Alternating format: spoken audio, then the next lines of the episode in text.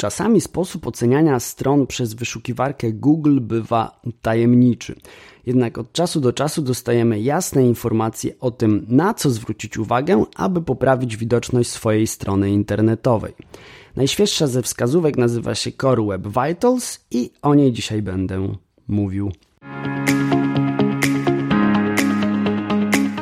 Cześć, ja mam na imię Łukasz, a to jest podcast Efektywna Firma. Cykl, który pomaga przedsiębiorcom poczuć się w sieci jak ryba w wodzie. Zapraszam na odcinek numer 11. Nowa aktualizacja od Google jest powoli wdrażana od połowy tego roku, a już została okrzyknięta najważniejszym wydarzeniem pomiędzy styczniem a grudniem 2021. Jak podaje Google, na początku jej znaczenie będzie niewielkie, ale z czasem trzeba liczyć się ze znaczącym wzrostem. Dlatego już dziś warto przygotować się na zmiany, bo jak to mówią, przezorny zawsze ubezpieczony.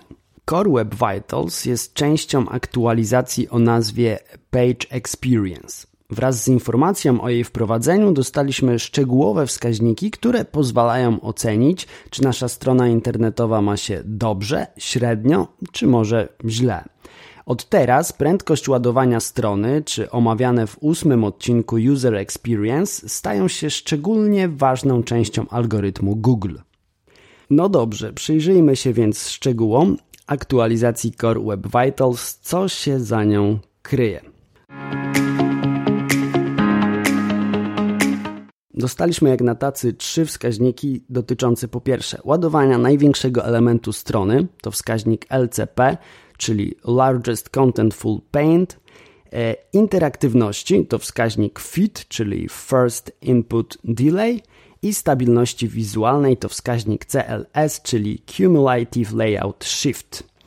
Te trzy wskaźniki składają się na Core Web Vitals. Ogólnie rzecz biorąc, wskaźniki oceniają czas od momentu wywołania strony do jej pełnej interaktywności, czyli do momentu, w którym możemy z niej swobodnie korzystać. Za oceną zaś stoją konkretne liczby.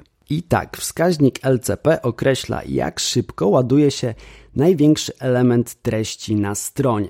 Zazwyczaj tym największym elementem jest element graficzny, np. banner, zdjęcie, no albo wideo. Za przyzwoity wynik uznaje się 2,5 e, sekundy. Ewentualnie może być to oczywiście mniejszy wynik. 2,5 sekundy od wywołania strony do załadowania największego elementu. Nieco korekt muszą wprowadzić twórcy, którzy osiągnęli wynik pomiędzy 2,5 sekundy a 4. Jest to wynik średni. Czerwona lampka natomiast zapali się w przypadku wyniku powyżej 4 sekund. Oznacza to, że czym prędzej trzeba coś zmienić. Mm, co ma wpływ na szybkość ładowania największego elementu? No, na pewno jest to wielkość, jego wielkość, jego waga, choć nie bez znaczenia jest także jakość sprzętu, na którym wczytywana jest dana strona. Kolejny wskaźnik to wskaźnik feed, który wyrażony jest w milisekundach. To czas od momentu, w którym użytkownik wejdzie w w interakcję e, ze stroną, na przykład e, kliknie lub tapnie na telefonie, do momentu reakcji przeglądarki na to kliknięcie lub tapnięcie. E, za bardzo dobry wynik uznaje się 100 milisekund lub mniej, drobne poprawki na swoich witrynach powinny wprowadzić, powinni wprowadzić twórcy, którzy uzyskali wynik pomiędzy 100 a 300 milisekund. Sporo zmian natomiast muszą wprowadzić posiadacze wyniku powyżej 300 milisekund. Wskaźnik trzeci to CLS. Ocenia przesunięcia podczas ładowania strony, czyli sytuacje, gdy użytkownik spotyka się z nieoczekiwanymi zmianami układu. O co chodzi? E, najlepiej wyjaśnić to na przykładzie. Zdarza się czasami, że strona już się załadowała, widzisz tekst, e, zaczynasz go czytać i nagle tekst przesuwa się bez Twojej ingerencji w górę lub w dół i zaczynają się pojawiać niewidoczne wcześniej na przykład grafiki czy banner rek reklamowy. Lub odwrotnie, nie możesz kliknąć e, link czy przycisk, bo ten zmienia swoje położenie. A w tym kontekście jeszcze warto dodać, że tak zwane okienka pop-up nie będą wliczane do wskaźnika CLS. Tutaj strona na piątkę, czyli ta, e, ten przyzwoity wynik to wynik 0 albo 0,1. Strony nieco gorsze, te średnie to te, które uzyskały wynik pomiędzy 0,1 a 0,25, natomiast strony wymagające poprawy to te, które uzyskały wynik powyżej 0,25. Wiemy już co nieco o nowych wskaźnikach Google. Teraz czas zadać sobie pytanie, jakimi narzędziami można je mierzyć. Są dwa rodzaje sposobów na sprawdzenie wskaźników Core Web Vitals e, swojej strony internetowej.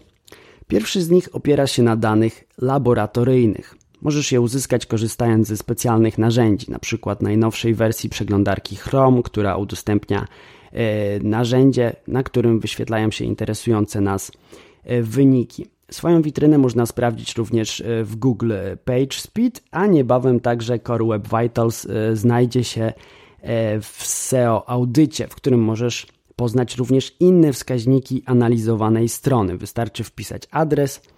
E, link do SEO audytu zostawiam e, w opisie tego odcinka. Drugi sposób na badanie tych wskaźników to gromadzenie danych od zwykłych użytkowników, takich z krwi i kości. Jest to mniej precyzyjny sposób, ale bardziej naturalny. Dzięki niemu wychwycisz mankamenty, których nie są w stanie e, wyłapać narzędzia. Dobrze, jeśli e, te dane laboratoryjne z danymi od użytkowników, czyli tymi gromadzonymi, będą się nawzajem uzupełniać. Wówczas będziesz miał pełen obraz user experience swojej strony internetowej. Zmierzając ku końcowi, warto dodać, że wprowadzenie Core Web Vitals nie unieważnia poprzednich istotnych wskaźników. Czyli Google wciąż ceni strony, które są dostosowane do urządzeń mobilnych, czyli dobrze wyświetlają się na telefonach, tabletach. E, są bezpieczne, czyli wyświetlają się przy pomocy protokołu HTTPS oraz są pozbawione uciążliwych reklam pełnoekranowych, które utrudniają korzystanie z danego serwisu. Tak więc te trzy elementy plus wskaźniki Core Web Vitals to w tym momencie najważniejsze czynniki wpływające na SEO. A czym jest SEO? Tego dowiesz się z szóstego odcinka efektywnej firmy, do którego odsyłam.